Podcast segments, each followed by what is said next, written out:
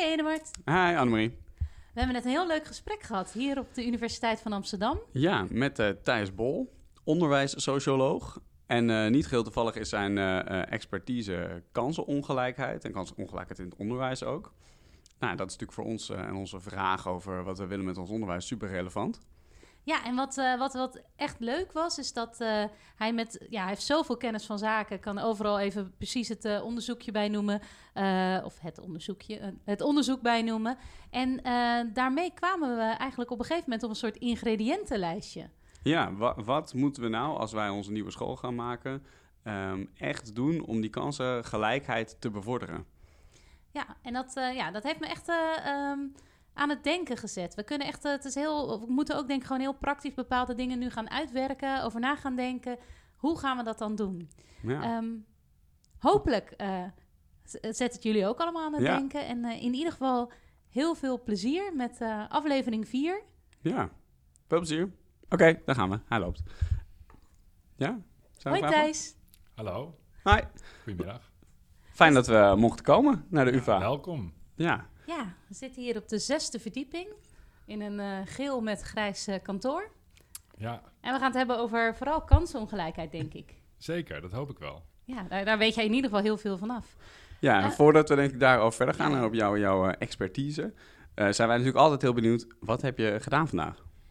Nou, wat, wat ik gedaan heb, ik ben sowieso heel blij dat ik in Amsterdam terecht ben gekomen. Het was extreem glad vanochtend. Dus uh, ik heb uh, mijn kinderen naar school gebracht met gevaar voor eigen leven. Gisteravond ben ik ook gevallen op de parkeerplaats bij ons huis, omdat het toch gladder was oh. dan ik dacht.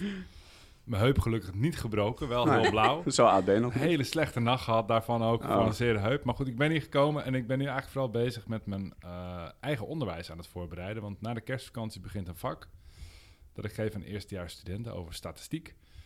Uh, en dat betekent dat ik eigenlijk de week voor de kerstvakantie, uh, dus nu heel druk bezig ben met dat allemaal klaar te zetten. Want dat is een heel intensief vak. In drie weken moeten die studenten van alles leren. Dus daar ben ik nu vooral mee bezig. En dingen een beetje afronden voor de kerstvakantie. Wat mail sturen, uh, onderzoeksprojecten proberen nog een beetje af te ronden. Want is het zo dat in heel de wereld gaat ook de wetenschap even drie, vier weken op slot? Een week, denk ik, dat het helemaal stopt. Dus de week, okay. de week van kerst en oud en nieuw, die week gebeurt er eigenlijk heel weinig of niks uh, in uh, ja. de wetenschap. Dus dat betekent ook heel weinig mails. Uh, en met name ook Amerikanen, die eigenlijk altijd werken. Dat is ongeveer de enige week waarin je van hen ook heel weinig hoort. Dus het is altijd een prettige week. Zelfs als je het gevoel hebt, ik moet iets doen... en je kijkt naar je, naar je e-mail, dan gebeurt er eigenlijk niks. Dus dan kan je echt even tot rust komen. Heerlijk. Ja. Maar die week daarna begint het eigenlijk alweer. Dus vanaf 2 januari is er al wel weer... Um, uh, ja, zijn er weer mensen hier op de universiteit... Oh, ja. om dingen voor te bereiden voor het onderwijs van die week daarna. Ja. Ja, want dat is eigenlijk uh, jouw werk, uh, werkzaamheden bestaan eigenlijk uit twee delen. Dus je, uh, je geeft les nog, of nog, je geeft les aan studenten. en daarnaast doe je heel veel onderzoek. Toch? Ja, ik, ik geef zelf onderwijs en ik doe onderzoek naar onderwijs. Dus ik hou me op verschillende manieren bezig met onderwijs. Uh, en nu is het onderzoek wat ik doe naar onderwijs gaat eigenlijk voornamelijk over uh, leerlingen in het basisonderwijs en het secundair onderwijs. Dus uh, ja, kinderen tot een jaar of 18. terwijl ik lesgeef aan studenten die natuurlijk een stukje ouder zijn. maar dan wel allemaal met elkaar samen. Dus dat is ook soms wel ingewikkeld dat je allerlei dingen in je onderzoek vindt en dan denkt, hoe, hoe, hoe doe ik dat zelf eigenlijk? Ja. En dan kan je heel erg prekerig doen over, oh, we zouden dit moeten doen. Dan denk je, ja, doe ik dat zelf wel goed. Dus ja. dat is soms wel confronterend. Ja, ja. nou dat herkennen wij ook wel in ja. uh, onderzoek naar nieuw onderwijs en uh, alles wat uh, beter zou moeten. ja, ik denk ook wel vaak van, practice what you preach. Ja. Ik denk de, de, de hoofdvraag of de hamvraag waarvoor we hier zijn, is natuurlijk dat wij bezig zijn met de vraag: oké, hoe kunnen we een nieuw onderwijsvorm gaan geven in, in Amsterdam West? dat is een beetje de opdracht die er vanuit ons bestuur ligt. Um, en een van de dingen die we daarbij heel graag willen is dat het ook echt voor kinderen uit Amsterdam-West is. En natuurlijk ook uit de rest van de stad, maar dus voor een, um, nou ja, een diverse populatie met allerlei verschillende achtergronden.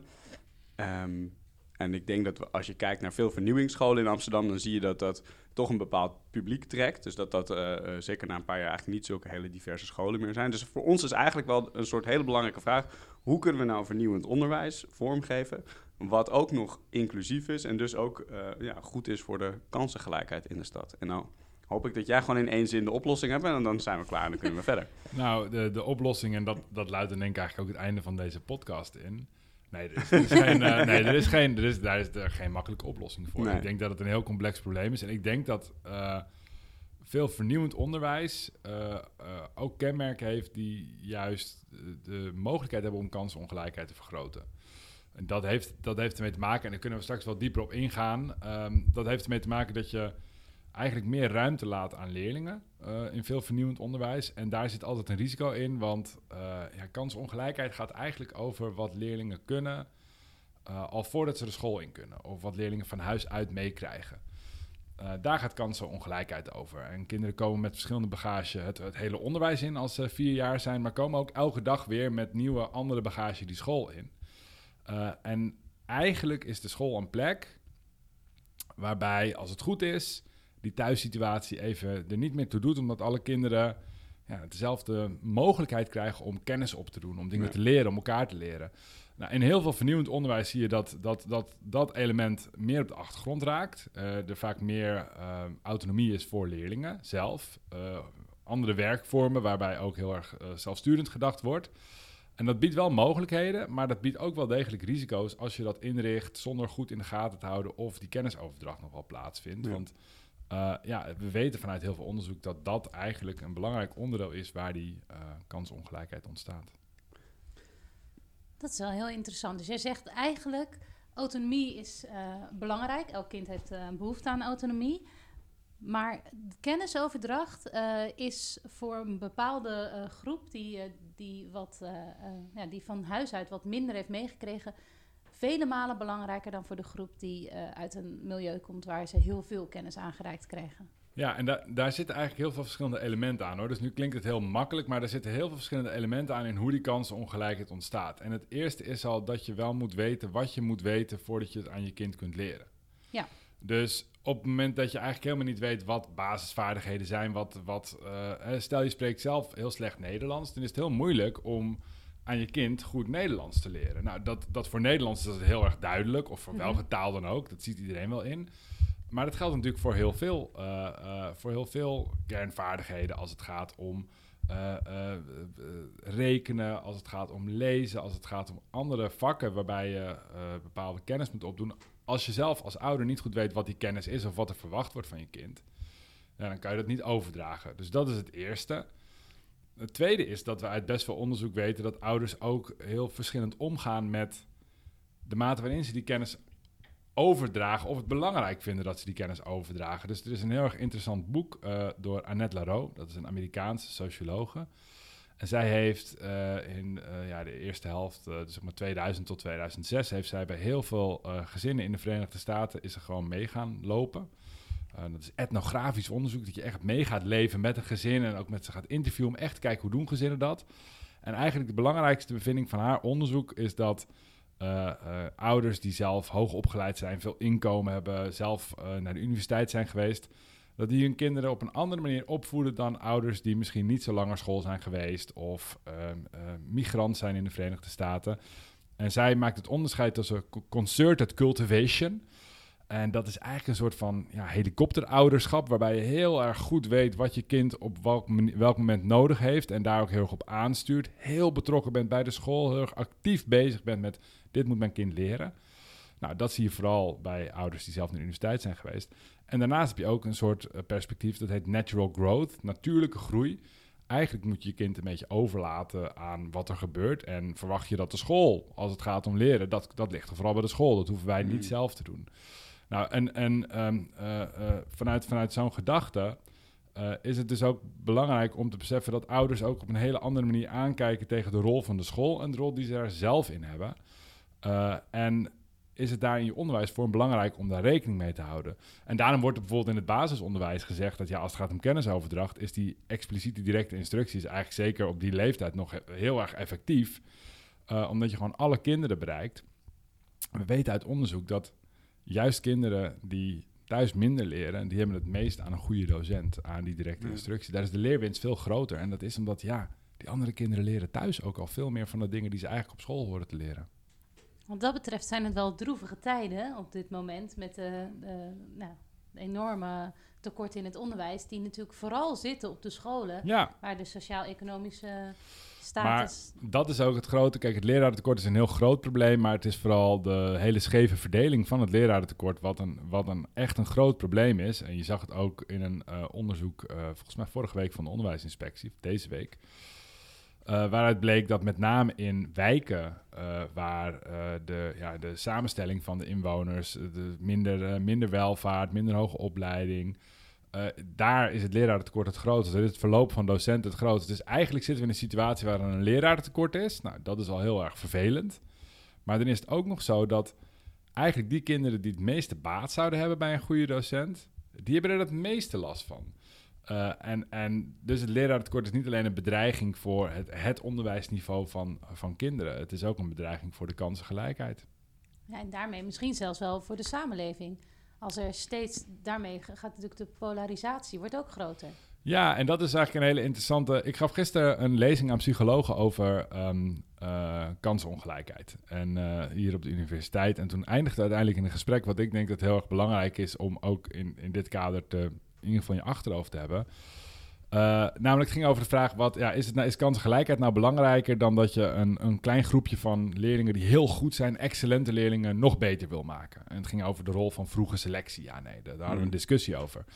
Uh, en een argument van mensen tegen vroege selectie uh, is dat het uh, de kansenongelijkheid vergroot. Als je kinderen eerder selecteert, dan heeft het rol, de, de, de invloed van sociaal milieu van ouders is groter. En dan met zo'n eerdere selectie bedoelen we het advies aan het einde basisschool Precies, dus dit gaat, einde onderbouw. Ja, dit gaat eigenlijk heel erg over dat advies. Op 12-jarige leeftijd worden kinderen in Nederland ge gesorteerd in verschillende groepjes. Nou, in heel veel landen is het helemaal niet zo. In Zweden is dat pas op 16 jaar. Nou, daar wordt onderzoek naar gedaan en ze zien die kansongelijkheid is groter op het moment dat je vroeg selecteert. Um, maar toen zei iemand in de zaal, best wel terecht, van ja, maar uh, als je kinderen dan langer bij elkaar laat, gaat dat niet ten koste van de goede presteerders. Ja. En uiteindelijk, uh, en er zijn inderdaad ook wel wat onderzoeken die dat laten zien.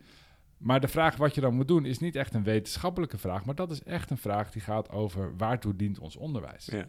Eh, en dus uh, uh, jij vroeg van ja, is dit geen bedreiging voor, ehm, voor de samenleving? Dat hangt er heel vanaf wat je ziet als de taak van het onderwijs. Als je als de taak van het onderwijs ziet om kinderen te socialiseren, om een samenleving te creëren waarin kinderen elkaar zien, uh, waarin iedereen zo goed mogelijk of zoveel mogelijk gelijke kansen heeft, ja, dan is dat een probleem.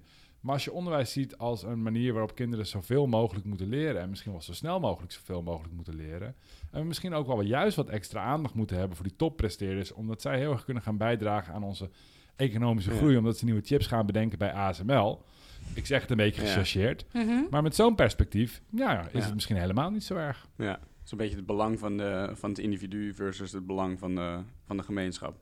Maar als we kijken naar de Nederlandse overheid en uh, hoe, uh, hoe het ministerie nu praat over als burgerschap als een van de belangrijkste pijlers, ja. uh, van, eigenlijk een belangrijkste basisvaardigheid van het onderwijs, kunnen wij zeggen dat het restje sociaaldemocratie wat wij in Nederland nog hebben, er toch op gericht is om de kansengelijkheid te verkleinen. Ja, maar je moet je wel echt beseffen dat tien jaar geleden niemand over kansenongelijkheid sprak. Hè? In geen enkel verkiezingsprogramma, regeerakkoord stond iets over burgerschap of kansengelijkheid. Dus het staat wel degelijk op de radar van alle partijen. Uh, maar het is ook wel een uh, de kansenongelijkheid of kansengelijkheid als concept is ook wel een vergaarbak geworden van van alles, waardoor iedereen, iedereen zegt er iets van. Uh, en en bedoelen er iets heel anders mee. Ja. Dus dat vind ik ook wel een risico. Dus natuurlijk staat burgerschap op de agenda van een partij als de VVD en kansengelijkheid ook. Maar als je dan daadwerkelijk kijkt wat ze daarmee bedoelen, is het wel iets anders dan andere partijen of ook wetenschappers daarmee ja. bedoelen. Ja. Want dat is misschien wel een goede. Moeten we even naar wat is de defini definitie van kansenongelijkheid in de wetenschap? Ja, nou, de, de, ik denk de meest gebruikelijke definitie is dat je uh, kinderen hebt. Laten we zeggen, ik specificeer het even op onderwijs. Hè. Je hebt twee kinderen die hebben eigenlijk evenveel talent, evenveel potentie, um, maar die eindigen toch op verschillende posities. Uh, en dat komt dan doordat ze niet gelijke kans hebben gekregen. Eigenlijk is het een soort van. Je hebt af en toe wel van die televisieseries waar je dan een soort parallel universum hebt. En dan blijkt de, de, hele wereld ook te bestaan in een parallel universum, maar dan net iets anders. Nou, zo denken onderzoekers er ook een beetje over. Je hebt dan een kind en de, dat kind is precies hetzelfde, maar in een parallel universum zou dat kind dan in een ander gezin opgroeien. Waar zou dat kind dan terechtkomen? Dat is eigenlijk hoe we nadenken over kansongelijkheid. En die kansongelijkheid ontstaat op allerlei momenten. Uh, die kansongelijkheid uh, die, uh, die begint eigenlijk al vanaf, vanaf de dag dat een kind geboren wordt. Uh, doordat een kind misschien anders te eten krijgt, minder aandacht krijgt, doordat er minder boeken gelezen worden met een kind. Uh, en dat gaat eigenlijk de gehele um, leeftijd en, en onderwijscarrière gaat dat door. Uh, een kind komt misschien minder in aanraking met een bepaalde taal en leert daardoor die zelf minder veel woorden, komt met minder woorden het onderwijs in. In het onderwijs zijn er dan misschien ook wel verschillende verwachtingen van die kinderen. Uh, een kind wordt thuis minder ondersteund, krijgt minder huiswerkhulp, want er is misschien wel geld voor, geen geld voor. Uh, dan heb je het adviesmoment. Nou, dat advies wordt verschillend gemaakt, et cetera. Dus, dus ja, helemaal vanaf het allerbegin heb je het scenario dat je twee kinderen hebt die eigenlijk precies hetzelfde zijn, hetzelfde zouden kunnen, hetzelfde zouden willen, hetzelfde talent hebben, hetzelfde motivatie hebben, maar die eindigen toch op hele andere plekken. Nou, dat noemen we ongelijke kansen. Ja, ja. oké. Want je zegt net, hè, van uh, tien jaar geleden stond dit in uh, geen uh, verkiezingsprogramma. Um, ergens, de, de, gedachte kwam ook wel, ja, dit is toch ook eigenlijk van alle tijden. Er wordt veel gezegd, kansongelijkheid neemt toe en dat is een probleem. En op zich, dat denk ik ook wel hoor. Maar in de jaren 50 of in de jaren 20 was er toch ook heel veel kansongelijkheid. Veel meer man. Kansongelijkheid neemt, hangt, dus dat is een hele ingewikkelde discussie. Neemt de kansongelijkheid toe, ja of nee? Als je gewoon heel lang terugkijkt, neemt de kansenongelijkheid natuurlijk niet toe. Want uh, in, de jaren 50 of 40 of 60 waren, was het helemaal niet zo dat iedereen kon gaan studeren. Nee. Uh, dat was gewoon voorbehouden aan de elite, de echte elite. Uh, het onderwijs was helemaal niet open. Het was helemaal niet de bedoeling Nee. dat iedereen doorstroomde naar het hoger onderwijs. Dus de hele klassenmaatschappij was toen nog veel sterker. Uh, ja, was veel sterker nog, was veel meer gebaseerd op wie, jou, wie jouw vader was, primair. En, en dat zou dan ook jouw werk worden. En vrouwen zijn pas later ook veel meer naar. Dus helemaal geen gelijke kans op dat moment. Waar de zorg eigenlijk vandaan komt, is dat we de hele tijd een patroon hebben gezien van steeds meer gelijke kansen. Uh, dus de, de, de, samenleving wordt steeds opener. Mm. Hè, de, iedereen krijgt steeds meer kansen om terecht te komen op een plek waar diegene misschien wel terecht zou kunnen komen. Maar dat proces is gestagneerd. En daar komt eigenlijk de zorg vandaan. Dat is een beetje rond 2010, 2015. Zien we dat die uh, op verschillende punten die kansenongelijkheid uh, niet afneemt, maar stagneert.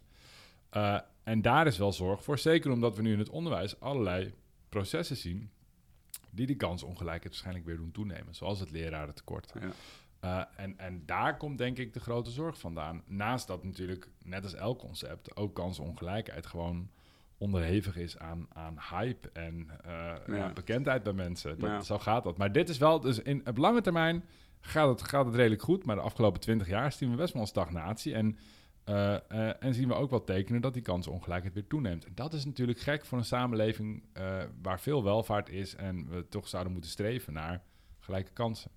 Nou ja, en is het niet zo dat, um, dat uh, sinds uh, het uh, kabinet Den L het idee van kansengelijkheid, van spreiding van macht en inkomen en, en kennis, ja, een soort in ons DNA, ik zeg ons, maar van in, in, de, in de Nederlandse samenleving heel sterk verankerd is. En dat het streven naar gelijkheid, in ieder geval.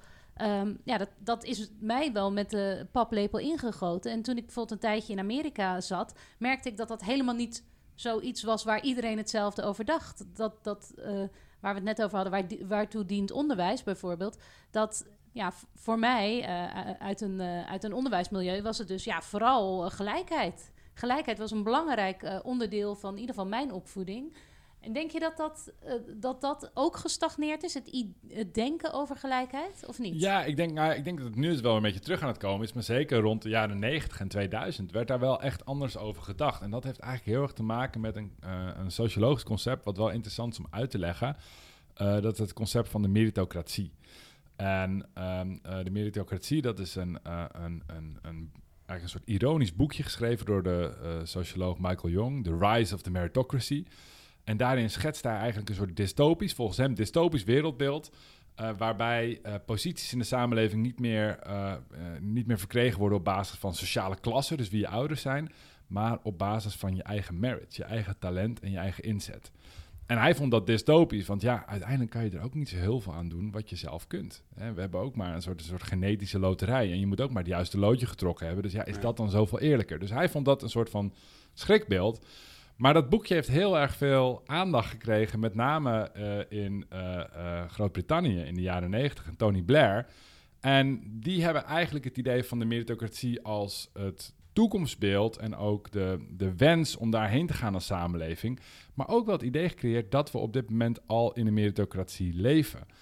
Dat die kansen eigenlijk wel heel erg gelijk zijn. En ook bijvoorbeeld Rutte is, is een groot aanhanger van dat idee. Zit heel erg in diezelfde lijn. En die volgt wel een beetje dat beeld. Kijk, als hij het heeft bijvoorbeeld over discriminatie bij stages, dan zegt hij niet van, oh ja, dat moeten we aanpakken. Het eerste wat hij dan zegt van, nou, dan moet je gewoon iets harder je best doen en dan kom je er wel.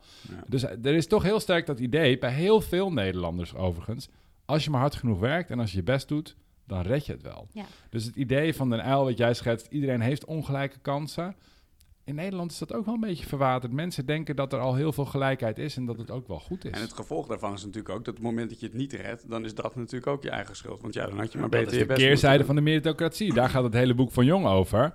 Kijk, vroeger kon je nog zeggen, ja, ik ben geboren als zoon van een boer, dus ja, ik, uh, ik ben ook boer geworden. Ik kan er niet zoveel aan doen. Nu, als je het niet gemaakt hebt, je had gewoon harder moeten werken. Ja. Um, en, en, en, en dat is echt wel hoe mensen succes zien in de samenleving. Van anderen, maar ook van henzelf. Als iets gelukt is, dan komt het door je eigen merites, door je eigen harde werk. Maar als iets bij iemand anders niet had gelukt is, ja, misschien moet diegene harder werken. Ja. Uh, en, en dat maakt het, uh, het, het, het, best wel een conflict met kansongelijkheid. Want eigenlijk bij kansongelijkheid zeg je, hey, het is jou niet gelukt, maar dat ligt niet aan jezelf. Dat ligt aan de omgeving of de omstandigheden die je hebt meegemaakt. Ja. En is er nu ook er... Ik, ik, ik heb net een boek, een, een weet ik veel, een half jaar geleden of zo'n boekje gelezen, De Tyrannie van Verdiensten, die juist ja tegen de tegenovergestelde van ja, dit slaat ook nergens op. Dus net zoals gelijkheidsdenken wellicht, uh, um, ja, dat je daar wat tegen in kan brengen. Maar is dat dus, is er echt een tegenbeweging of heb ik per ongeluk een boekje gelezen wat daar tegen inging? Ik denk dat je per ongeluk een boekje gelezen. dat boek van Sandel vindt wel denk ik veel weerslag bij uh, links-progressieve politici en wetenschappers weten er ook al van. Ik denk dat de dominante partijen hier helemaal niet echt mee bezig zijn. En Kijk, eh, gewoon even ter indicatie. Als, als uh, wetenschappers, um, nou, kan ik wel zeggen, als, als wij bijvoorbeeld een gesprek hebben met uh, het ministerie of medewerkers van de huidige minister en het gaat over gelijke kansen, dan wordt er toch ook best wel vaak gesproken over gelijke kansen. Nou, dat betekent dat we iedereen hetzelfde moeten geven. Ja. Terwijl dat is dus een heel eigenlijk als je nadenkt over wat ik net heb gezegd over die gelijke kansen, is dat dus een heel raar idee van hoe je omgaat met gelijke kansen. Uh, want, want dan zou je dus eigenlijk moeten zeggen, als je dat perspectief aanhangt, dat niet iedereen uh, evenveel mogelijkheden heeft gehad, dat je dus ook ja, ongelijk gaat investeren in kinderen. Ja. En ongelijk gaat investeren in scholen. En dat vinden sommige politici en partijen gewoon heel erg moeilijk. Uh, en, en dat heeft natuurlijk te maken met het idee wat wel ergens diep achterin zit. Ja, als je maar hard genoeg werkt, dan red je het wel. En dan komt weer een verhaal van een of andere stapelaar die begonnen is, uh, ja. weet ik veel, bij het uh, VWMO. En dan uiteindelijk is die, uh, is hij hoogleraar geworden of zuigleraar. Ik bedoel, dat is, dat is al hele mooie verhalen, maar ja. dat, dat gebeurt natuurlijk heel vaak helemaal niet. En, nee. ja, en, en, daar kunnen we als samenleving wel iets aan doen als we dat willen. En als we nu even teruggaan naar uh, zeg maar het ja. Amsterdamse uh, onderwijsveld. Hè, en, en, en ons idee van oké, we willen nu een, uh, de, de school gaan maken waar enerzijds gewoon kwalitatief heel goed onderwijs is. En anderzijds die ook beantwoordt aan die zorgen over kansongelijkheid. En dus misschien inderdaad wel leerlingen verschillend wil gaan bedienen. Zijn er dan vanuit de wetenschap, vanuit literatuur, inderdaad elementen die aantoonbaar werken of juist helemaal niet werken? Nou, waar ik eigenlijk mee begon, ik denk dat dat het allerbelangrijkste is. Kijk, ik weet natuurlijk niet precies wat jullie concept is. Kunnen jullie misschien straks ook iets over zeggen, kort tegen mij? Kan ik er nog specifieker op ingaan? Maar ik denk dat het heel belangrijk is dat je ervan... Dat je, dat je goed in je achterhoofd hebt dat leerlingen um, uh, jullie begeleiding als docent niet alleen nodig hebben bij het groepsproces, maar ook echt bij die kennisoverdracht. Uh, dus je kan best wel in projectgroepjes gaan werken of met uh, uh, kleine teams kinderen zelf dingen laten doen en ze ook veel verantwoordelijkheid geven. En daar kunnen ze ook heel veel van leren. Hè? Dus het, gaat niet alleen om kennis leren in, in het onderwijs. als in lezen, rekenen, de, executieve vaardigheden, et cetera, die gaan dan ook echt, die hebben er echt baat bij. Maar die kennisoverdracht is heel belangrijk en is juist ook belangrijk voor kinderen die misschien van huis uit minder hebben meegekregen. En dat is misschien ook wel een reden waarom je dit onderwijsconcept veel ziet op scholen, waarbij ouders uh, uh, zelf ook uh, uit een hoog sociaal milieu komen. Of die, die juist hun kinderen erheen sturen, omdat die ook al een beetje kunnen compenseren voor dingen die er misschien daar op school niet gebeuren. Ja. En, en, en, dus je moet eigenlijk bedenken bij je onderwijsconcept, wat nou als ik de ouders gewoon even helemaal weghaal? Die doen helemaal niks met die kinderen. nul heb ik dan genoeg tijd, genoeg ruimte om eh, die kinderen voor te bereiden op een examen? En eigenlijk breder, heb ik ze genoeg uh, geleerd om ze voor te bereiden op een zelfstandig leven in de samenleving? En dat is denk ik de belangrijke vraag. En ik denk bij heel veel scholen met vernieuwende onderwijsconcepten, als je dat zou doen, zouden er best wel wat alarmbellen gaan rinkelen. Maar dat zie je dan uiteindelijk niet, omdat die gaten gedicht worden door ouders thuis. Ja. Mooie gewetensvraag wel, om ja. inderdaad in je achteraf te halen. Zeker. En de vraag die nu bij mij opkomt, is toch ook wel van, ja, die executieve vaardigheden, die zijn als 21st century skill, wat het ook zou mogen zijn, wel heel belangrijk. Een beetje dat uh, als uh, geschiedenisjuf natuurlijk iets waar ik uh, niet echt achter sta, maar je kunt heel veel googelen. Ja, ik geloof daar echt totaal niet in, Annemarie. Daar zal ik heel duidelijk over zijn. Ik vind de 21st century skills echt gelul. um, misschien kunnen we dit weghalen uit de podcast. Maar ik, ik geloof eigenlijk het ook gewoon op basis van onderzoek. Kijk, natuurlijk moet je dingen leren. Maar er is enerzijds het idee dat vroeger executieve vaardigheden onbelangrijk waren. Nou, dat is flauwekul. Uh, en anderzijds is het idee dat, dat je als je maar weet hoe je dingen op kunt zoeken, dat je het dan op kunt zoeken. Maar dat werkt helemaal niet zo. Je hebt best wel een grote cognitieve basis nodig om überhaupt te kunnen weten wat je moet zoeken. Ja. Uh, en ook het hele principe van dingen uitzoeken. Ik, ik, ik vind het altijd zo flauw als dan een of andere cabaretier gaat zeggen... waarom leerde ik deze som met rekenen? Ja, ik bedoel, ja haha, natuurlijk. Waarom leer ik niet belastingaangifte we hebben, toch, we hebben toch een calculator? Ja, oké, daar gaat het niet om. Bij rekenen leer je natuurlijk allerlei logische verbanden maken en nadenken... zodat je een bepaalde digitale geletterdheid krijgt die heel belangrijk is in de 21st century, maar ook gewoon in de 20th century en de 19th century. is gewoon altijd belangrijk. Dus uh, ik, ik, ben, ik ben altijd wel een beetje angstig dat uh, die focus op uh, wat heel menselijk is van oeh, nu is alles opeens heel anders. dat we dan ook gaan afstappen van ja, meer traditionele vakken die gegeven worden, die, die echt wel nog steeds uit onderzoek blijken heel belangrijk zijn voor allerlei dingen. dus, dus ik geloof heel erg in die executieve vaardigheden. Meer omdat je kinderen autonomie leert. Omdat ze uiteindelijk nu vaker dan vroeger in teams gaan werken. Uh, omdat het sowieso heel goed is om samen met elkaar dingen te doen. Daar, daar, zit natuurlijk ook een kracht in van onderwijs. En dat kan in dat soort scholen wel heel mooi. Dat je met diverse groepen leerlingen samenwerkt. Waardoor je ook een heel ander perspectief krijgt op de samenleving. Dus daar zitten allemaal heel veel voordelen in. Maar uh, dat uh, moet eigenlijk niet ten koste gaan van die, ja, van die, van die basisvaardigheden, van die kennisoverdracht. Ja. Komen we wel bij een heet hangijzer wellicht. een gesprek wat inderdaad bij ons op school nu wel uh, aan de gang is, is... Um, je hebt uh, veel vernieuwingsscholen die eigenlijk een beetje wegbewegen van de klassieke vakken. Die werken dan bijvoorbeeld in modules of thema's of domeinen, noem maar Grote op. Grote vragen. Ja. Uh, en ook vanuit bijvoorbeeld, hè, als je kijkt naar de kerndoelen voor de onderbouw, daar worden ook de vakken niet specifiek benoemd. Er wordt niet gezegd, je moet aardrijkskundig ziens aanbieden, maar er worden een aantal dingen gezegd. Nou, je moet iets weten van tijdvakken, je moet iets weten van een atlas. Maar hoe je dat aanbiedt is op zich uh, um, aan de school zelf. Zeg jij dan dus nu ook, ja, je moet dat dus organiseren in vakken? Of is dat, niet, is dat een te makkelijke conclusie op basis van... Uh... Mm, nou ja, dat is de makkelijke conclusie. Ik denk wel dat als je. Ik, ik, geloof wel dat als je te veel vernieuwingen gaat doorvoeren, dat het heel moeilijk is om te kijken wat je eigenlijk nog aan het doen bent. Dus als je en de onderwijsvorm gaat veranderen en je gaat het hele curriculum omgooien, dan, dan verandert er best veel tegelijk. En dan is het ook moeilijk om overzicht te houden op wat, wat er daadwerkelijk gebeurt. En ook bij te houden wat de gevolgen daarvan zijn.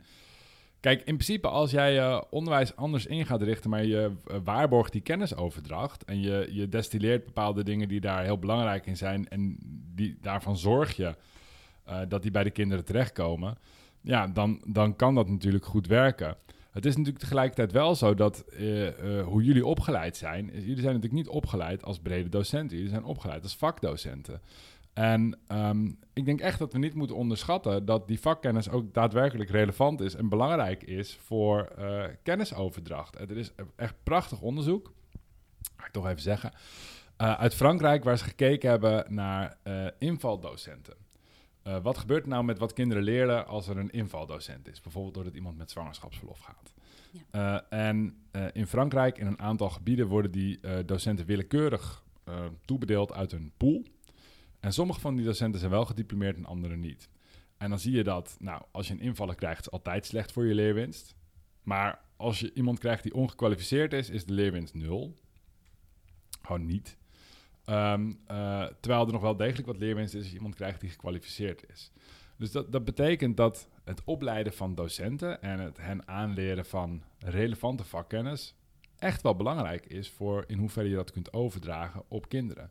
Ja. Als je dan gaat werken vanuit grote vragen of modules, dan is dat wel een uitdaging voor de docenten die dat moeten gaan dragen. Want die moeten over al die verschillende ja, inter, interdisciplinaire eh, vraagstukken wel iets relevants kunnen zeggen. En ook die kinderen goed kunnen begeleiden. Of je moet met een heel team erbovenop zitten. Uh, maar dus ik denk dat dat belangrijk is. Het is niet alleen procesbegeleiding wat jullie doen. Het is ook echt het overdragen van vakkennis. En, um, uh, uh, en, en dat moet je dus ook faciliteren. En dat kan wel, maar dan moet je wel een vorm vinden waarin dat ook kan. Ja. Oh, dat is wel een hele interessant. Ja, zeker. Ja. Ja. Kijk, kijk, wat, ik, ehm, wat ik een beetje tegen heb op de vakken zoals het nu is, is dat het... Het is zo'n verknipt beeld van de realiteit. Als je gewoon als kind om je heen kijkt in de wereld, dan zie je niet brokjes aardrijkskunde of brokjes natuurkunde. Je ziet gewoon de wereld die op een bepaalde manier beweegt en zich gedraagt. En het, het lijkt mij mooi om vanuit die wereld te starten en dan te kijken, oké, en welke processen zitten daaronder en, en dan bij de vakken. Dus eigenlijk een soort omgekeerde volgorde. Maar dat kan wel. Maar dan moet je dus ook zorgen dat de docenten daar wel op toe, uh, Ja. uh, dat, dat, die dat, ja, dat die dat kunnen. Dat die, dat, die dat, dat die daarvoor getraind zijn en dat die dat ook weten. Want kijk, ik kan natuurlijk, uh, ik kan natuurlijk door de stad lopen of ik, weet, ik, ik, zet Spotify aan. En denk van, wauw, hoe ontstaat dit? Dit is echt te gek. En dan wil ik een vak geven over Spotify. Ik noem maar wat. Hè? Ja. En uh, nou, wat weet ik van Spotify? Ik ben socioloog, dus ik weet wel iets van de redenen waarom mensen bepaalde muziek kiezen. Dus daar kan ik er niets over gaan zeggen. Maar ja, als ik dan iets moet gaan zeggen over artificial intelligence en hoe die algoritmes werken, ja, Eduard, ik heb geen idee. Nee. Uh, dus dan kan ik nog wel beginnen bij de leefwereld van die uh, uh, studenten in mijn geval. En dat werkt heel goed. Maar je moet ook wel zelf goed weten, wat weet ik wel. Je moet ook vooral weten, wat weet ik niet Ja. en wie gaat dat dan doen. Dus ik, kan dat, ik zou dat vak kunnen gaan doen. En dit soort vakken bestaan ook op de universiteit... bij het Instituut voor Interdisciplinaire Studies... waar allerlei mensen bij elkaar gebracht worden. Ik geef daar zelf ook een vak over kansongelijkheid. Dat is hartstikke leuk. Maar daar worden wel gewoon specialisten. Als ik zo'n vak zou doen, zou ik dan dus wel iemand van AI vragen... Ja. kan jij daar dan iets over vertellen? Ja, om dat Dus- te borgen natuurlijk inderdaad. Ja. Omdat anders ga ik gewoon een beetje, uh, ja, een beetje freewheelen. Ja. En dat kan ik wel, want ik ben ook als docent getraind in gewoon praten Ja. over dingen. Jullie ook. Ja. Maar dan mis je wel die kenniscomponent waarin je echt daadwerkelijk weet hoe iets werkt Ja. op een veel hoger niveau van abstractie dan een leek.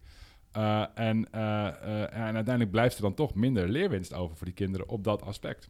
Ja, nou, dit is wel. eh, ik geef eh, dan een interdisciplinair vak bij ons op school, eh, Big History. En dat, er zit dus ook heel veel natuurkunde en scheikunde in. En daar zit ik toch een beetje zo. Te En hoe doe je dat? Nou, eh, slecht. Nee, maar bedoel, Nou ja, bedoel samen je, Ja, met de ja. maar, ga je, ga je Ja, praten? dus Ga je we- praten met de docent? Dus welk proces eh, Ja, doe je nou dan? ja we, we werken met de doce- beta-docenten samen. Ehm, dus eh, die, bereiden de, die bereiden ons eigenlijk voor op de, Ja. de lessen. En voor de rest heb ik de neiging om heel erg de filosofische kant op te zoeken, omdat die me dan makkelijker afgaat. Eh, en weinig echt eh, uitleg. Maar ik merk wel ook, wat, wat ik vooral interessant vind, en dat resoneert denk ik wel wat jij net zegt van. Ik heb mijn kapstok als het gaat om beta-vakken is zo klein dat ik wel een, weer een, eh, nou, in de voorbereiding van een les ehm, heel, me goed kan voorbereiden. Maar op een of andere manier kan ik die jas niet ophangen aan de kapstok. Dus die valt weer op de grond. Volgend jaar moet ik weer precies hetzelfde doen. Ja. Terwijl elk historisch weetje of ook wel sociale wetenschappen kan ik heel makkelijk opslaan. Dat is voor mij geen... Ja, die kapstok is groot genoeg. Dus dat is eigenlijk wat jij ook zei over het, het googelen. Eh, het, je kan pas googlen Ja. als, je een, eh, als je weet waar je naar zoekt.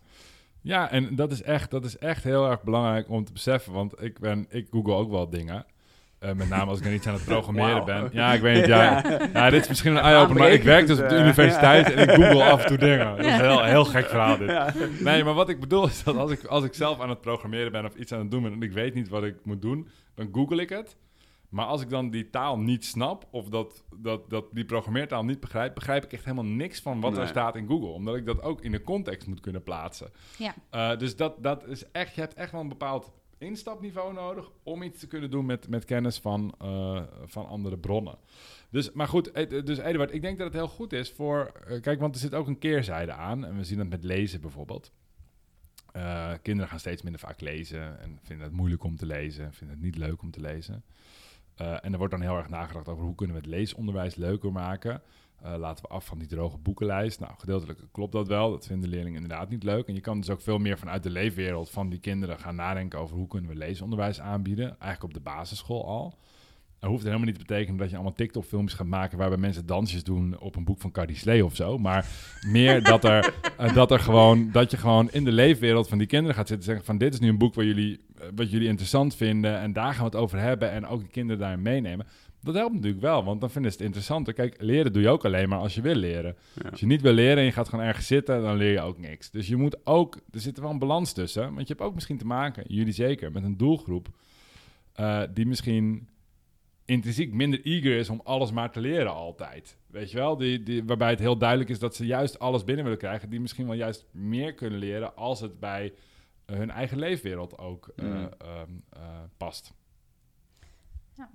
Nou, en ik, ik denk een van de dingen die eh, bij ons op school heel leuk is en ook tegelijk heel lastig is dat we echt, eh, ehm, onze leerlingen zijn zo verschillend in alles. Eh, en natuurlijk in cognitieve capaciteit, dat is op heel veel scholen, maar ook qua achtergrond, inderdaad, qua cultureel eh, kapitaal. Het is heel moeilijk om een, om een les te maken, aan te sluiten bij de belevingswereld, omdat die belevingswereld zo verschillend is voor al die leerlingen. En op het moment dat je dan in een vrij, eh, vrij docentgestuurde omgeving zit, ja, dan is het best lastig om, om dan zelf iets te vinden. Terwijl als je kinderen daar iets meer vrijheid geeft om zelf keuzes te maken, en dan kunnen ze zelf ook het op die manier opzoeken. Ja, en ik denk dat dat echt kan. Maar dat begint altijd vanuit een bepaalde, een bepaalde kennisbasis Ja. die ze moeten hebben. Die heb je echt nodig. Want anders dan, dan kunnen ze ideeën krijgen over dingen die eigenlijk helemaal niet relevant zijn. Dus die, als je die kennisbasis waarborgt, dan kun je kinderen meer vrij laten en ook meer aansluiting eh, laten vinden bij hun eigen leefwereld. En juist de diversiteit misschien ook eh, eh, als een kracht zien van, van hoe je onderwijs inricht. Dus, in plaats van als een soort belasting omdat je moet gaan differentiëren. is dat misschien juist het uitgangspunt van het onderwijs. Maar dat kan alleen als je zeker weet dat iedereen vanaf een bepaald punt begint. En natuurlijk lopen sommige kinderen dan harder of verder of whatever. Maar ze weten in ieder geval allemaal dat ze moeten gaan lopen en welke kansen op moeten. Ja. En zeg je dan eigenlijk ook, eh meten is weten? Moet je, elke, moet je kinderen dus ook regelmatig... eh, Toetsen? Nou ja, toetsen. Toetsen heeft eh, wat mij betreft een beetje een negatieve... maar gewoon dat je meet of ze het weten? Ja, ik, zou, ik ben daar wel erg voorstander van. Kijk, ik denk dat het, het is heel belangrijk om na te denken wat je wilt weten. Dus wat je in kaart gaat brengen. Uh, maar ik denk dat het, uh, dat het als, als school en als professional belangrijk is om een beeld te krijgen van wat je leerlingen wel of niet weten. Uh, en dat, dat en dus ook in het basisonderwijs. Ik ben helemaal niet tegen dat, dat er een volgsysteem is voor, voor leerlingen waarin gekeken wordt wie er wel en niet goed meegaat met bepaalde vakken.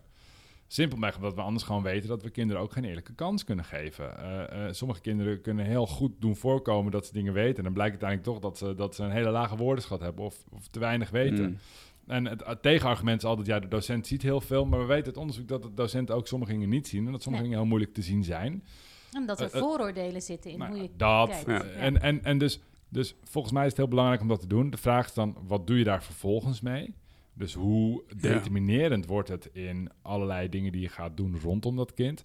Daar kan je als school natuurlijk een andere beslissing in maken. Maar om dat te gebruiken als een bron van informatie om te zien wat kinderen wel en niet kunnen, denk ik dat het heel belangrijk is. En ook echt in de, in de geschiedenis een belangrijk instrument is geweest in het tegengaan van um, kansenongelijkheid juist. Omdat je juist ook kinderen van wie het misschien niet verwacht of die het misschien niet altijd laten zien, dat die toch de mogelijkheid krijgen om uh, te laten zien wat ze kunnen. En, en, en vice versa, dat je goed in beeld hebt welke kinderen misschien wel minder gaan en je juist extra kan uh, bijsturen. Ja.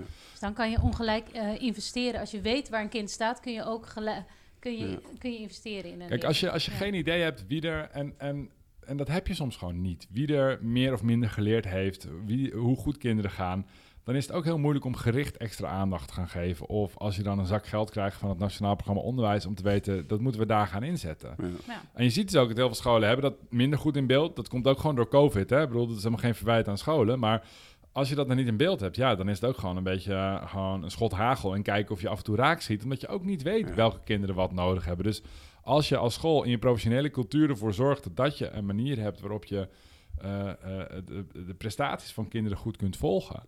Uh, en dat kan dus met een soort van toets zijn, maar dat kan ook op andere manieren. Dat heeft echt wel voordelen in het tijdig aanpakken en ook weer bijsturen van die kennisbasis... om ervoor te zorgen dat alle kinderen na een aantal jaar die school kunnen verlaten met gewoon voldoende kennis. Um, als ik nou zo het hele gesprek even zo zou opzommen... wat zijn nou in de ingrediënten die essentieel zijn voor het bevorderen van kansengelijkheid in onderwijs. Dan komen we op het, uh, het zekerstellen of het borgen van die vakkennis, een late determinatie en veel meten. Hebben we ze dan alle drie? Of hebben we en dan ongelijk investeren eigenlijk. En Als we op weten, basis van het meten ja. ongelijk investeren. Ja. En dan wil ik er nog eentje toevoegen waar we het niet over gehad hebben en waarvan ik denk dat het op jullie school ook wel goed gaat. Dat is eh, hoge verwachtingen van leerlingen. En dat zit ook wel in die selectie. Ehm, maar dat is, eh, en dat, is, dat wordt vaak als tegenargument tegen die toetsing gebruikt. En daar is echt wel iets voor te zeggen. Kijk, onderwijs heeft, en dit is een project waar, ik, waar, waar we nu geld voor aangevraagd hebben. Dus misschien wel leuk om over te vertellen. Dat is een project samen met uh, uh, onder meer Louise Elvers, die ook een boek heeft geschreven over kansongelijkheid. Nou, geen idee of we dit geld gaan krijgen, maar wij vinden het zelf een heel leuk project. het gaat namelijk over wat is nou een functie van onderwijs. En het gaat eigenlijk over de selectiefunctie in onderwijs eigenlijk al is onze hypothese, eigenlijk al heel vroeg in het basisonderwijs worden die toetsen, het leerlingvolgsysteem wordt niet gebruikt als informatie om kinderen meer te leren, maar het wordt gebruikt als een methode van selectie. Ja. Een soort determinering. Jij bent goed, en jij bent slecht en jij bent iets minder slecht. En dat noemen ze dan niet zo, maar dat noemen ze dan het maangroepje en het zonnegroepje en het sterrengroepje. Of ja. uh, drie willekeurige kleuren, maar nooit groen en rood, dan de rood bij de et cetera. Terwijl kinderen natuurlijk heel goed weten, oh ja, ik zit in het minst goede groepje. Um, dat is natuurlijk, dat is natuurlijk eigenlijk helemaal niet goed. En je ziet dat onderwijs uh, ook wel enigszins gedwongen door, door, um, door dat vroege selectiemoment op 12-jarige leeftijd eigenlijk al heel erg vaak en heel erg veel bezig is met die selectiefunctie van onderwijs. Wie hoort waar, wie ja. moet op welke plek, wie kan hier, wie kan daar. Terwijl je kan die toetsen en informatie ook juist gebruiken niet als een methode van selectie, maar als een, uh, uh, uh, als een methode om je kinderen meer te leren, als pedagogisch of ja. didactisch instrument, in plaats van als selectieinstrument. en als je dat doet, dan kan je ook uit die een soort van, ja, een soort van echo-kamer van verwachtingen komen, waarbij je een kind misschien één keer laag presteert of een bepaald beeld heeft, dan heb je wat lagere verwachting van het kind. Nou, dat kind gaat volgens leven naar die verwachtingen, et cetera. Dat wordt een zelfversterkend effect. Uh, dus de, de truc is om die informatie te gebruiken waar we het net over hadden, maar tegelijkertijd dat wel los te zien van wat een kind nog kan. Uh, want uh, wat een kind nu kan, is helemaal niet waar een kind over twee jaar kan zijn. Ja, en dat zie je bijvoorbeeld, die vroege selectie. is er toch ook onderzoek gedaan naar kinderen die op 11-jarige leeftijd naar de basisschool gaan, of naar het voortgezet onderwijs gaan, en op 12-jarige leeftijd. En dat dat wel tot een, een heel schoolniveau kan verschillen. Dus ze, ze, ze groeien nog zo ontzettend snel. Ze zijn nog zo eigenlijk vroeg in hun... Ja, nou, dat is die, die vroege determinatie. Maar ze worden zo vroeg uh, geselecteerd... dat het zelfs als een kind van januari is... het een beduidend beter advies krijgt dan een kind van de december. Ja, dat is heel erg, dat is heel erg leuk onderzoek. Ja, ik ben ook gewoon heel enthousiast over onderzoek natuurlijk. Maar heel veel scholen en heel veel landen. In Nederland heb je dat niet meer. Had je een hele strikte uh, uh, ja, school enrollment, dus een inschrijfregel. Vanaf ja. een bepaalde datum mocht je wel of niet inschrijven. Dat betekent dat je, je hebt geen invloed op wanneer je geboren bent. Dat is willekeurig. Dus gingen ze kijken, wat zijn nou de onderwijsprestaties van kinderen die net voor of net na die datum zitten. En dat, dat scheelt dan ongeveer een extra jaar op school. Omdat je dan gewoon een jaar langer in de kleuterklas mag zitten. Um, en dat is gewoon een heel groot verschil. Dus dat betekent dat kinderen zich nog steeds heel erg veel ontwikkelen. Maar er zit ook iets anders aan vast. Want dat geldt voor alle kinderen. Maar het, het, het, ongelijkheidsargument dat daaraan vast zit, is dat kinderen ook langer de tijd hebben om te laten zien wat ze kunnen. Zich ook op kunnen trekken aan andere kinderen. En dat als je ouder bent, die invloed van ouders op dat soort beslissingsmomenten kleiner wordt. Want als je tien of elf bent en je ouders gaan de eerste gesprekken voeren over nou, het zit nu een beetje op uh, uh, VMBO-kader of het zit nu een beetje op HAVO, VWO. Uh, dan is het heel verschillend hoe ouders omgaan met dat soort gesprekken. En wat de cultuur daarbij is. Terwijl als een kind 14, 15, 16 is, dan is ja. die invloed van de ouders een stuk kleiner. Dan heeft het kind ja. veel langer laten ja. zien wat ze zelf kunnen. En dus is de mogelijkheid dat daar ongelijkheid ontstaat door interventie van die ouders, is er nog steeds hoor. Maar die is wel kleiner, want een kind zelf is veel meer mondig. Uh, dus er zijn allerlei redenen waarom, waarom het uitstellen van die selectie goed is. En ik denk wel dat het belangrijk is, dat is natuurlijk een hele discussie nu, of we dan echt een soort van grote, uh, uh, grote verandering van het systeem zouden moeten willen. Ik denk dat dat eigenlijk niet hoeft, maar ik denk wel dat het, nogmaals, als, als het als school voor jou een belangrijk doel is om kinderen in Nederland gelijke kansen te bieden en ook mogelijkheid te bieden om te laten zien wat ze kunnen na 12-jarige leeftijd, om in je school te faciliteren dat kinderen nog kunnen bewegen. Dat die mogelijkheid er nog is. En dat is natuurlijk in een uh, onderwijsvorm waarin je kinderen niet in hele homogene um, groepjes gaat indelen op basis van hun niveau en dat dan doet voor alle vakken is dat natuurlijk wel mogelijk. Hè? Dus is een onderwijsvorm waar jullie het over hebben. Daar, daar heb je natuurlijk wel langer de tijd ook om te laten zien dat je misschien op vak A wat meer moeite hebt, maar op vak B juist wel kan excelleren. En in een groepje dat ook kunt laten zien. En dus langer je nog op kan trekken aan uh, misschien dat ene meisje dat wel veel beter is in wiskunde dan jij. Uh, die je in een ander systeem uh, nooit meer gezien zou hebben na twaalf jaar geleefd, maar, maar waarmee je nu nog steeds in een projectgroepje zit. Ja. Volgens mij hebben we... Stof tot nadenken Ja, weer. dat wilde ik net zeggen inderdaad, ja. Uh, volgens mij heel veel om over na te denken in uh, het verder ontwerpen van... Uh, nou, wat het ook mag worden. Ja. en misschien dat we gewoon op een later moment nog bij je terug moeten komen om je verder te bevragen. Ja. Het is natuurlijk wel zo dat ik hier nergens op afgerekend kan worden. Want ik weet niet precies wat jullie gaan doen. Dus als het helemaal slaagt, is het jullie succes. Maar als het helemaal mislukt, is het ook gewoon jullie falen. Nee, nee, Laten we het wel even meritocratisch houden. Laten we wel meritocratisch houden. Dan is het pech. Heb je gewoon niet hard genoeg gewerkt? Ja. hey, dankjewel voor dit gesprek. Dankjewel. Dank jullie wel. Jo.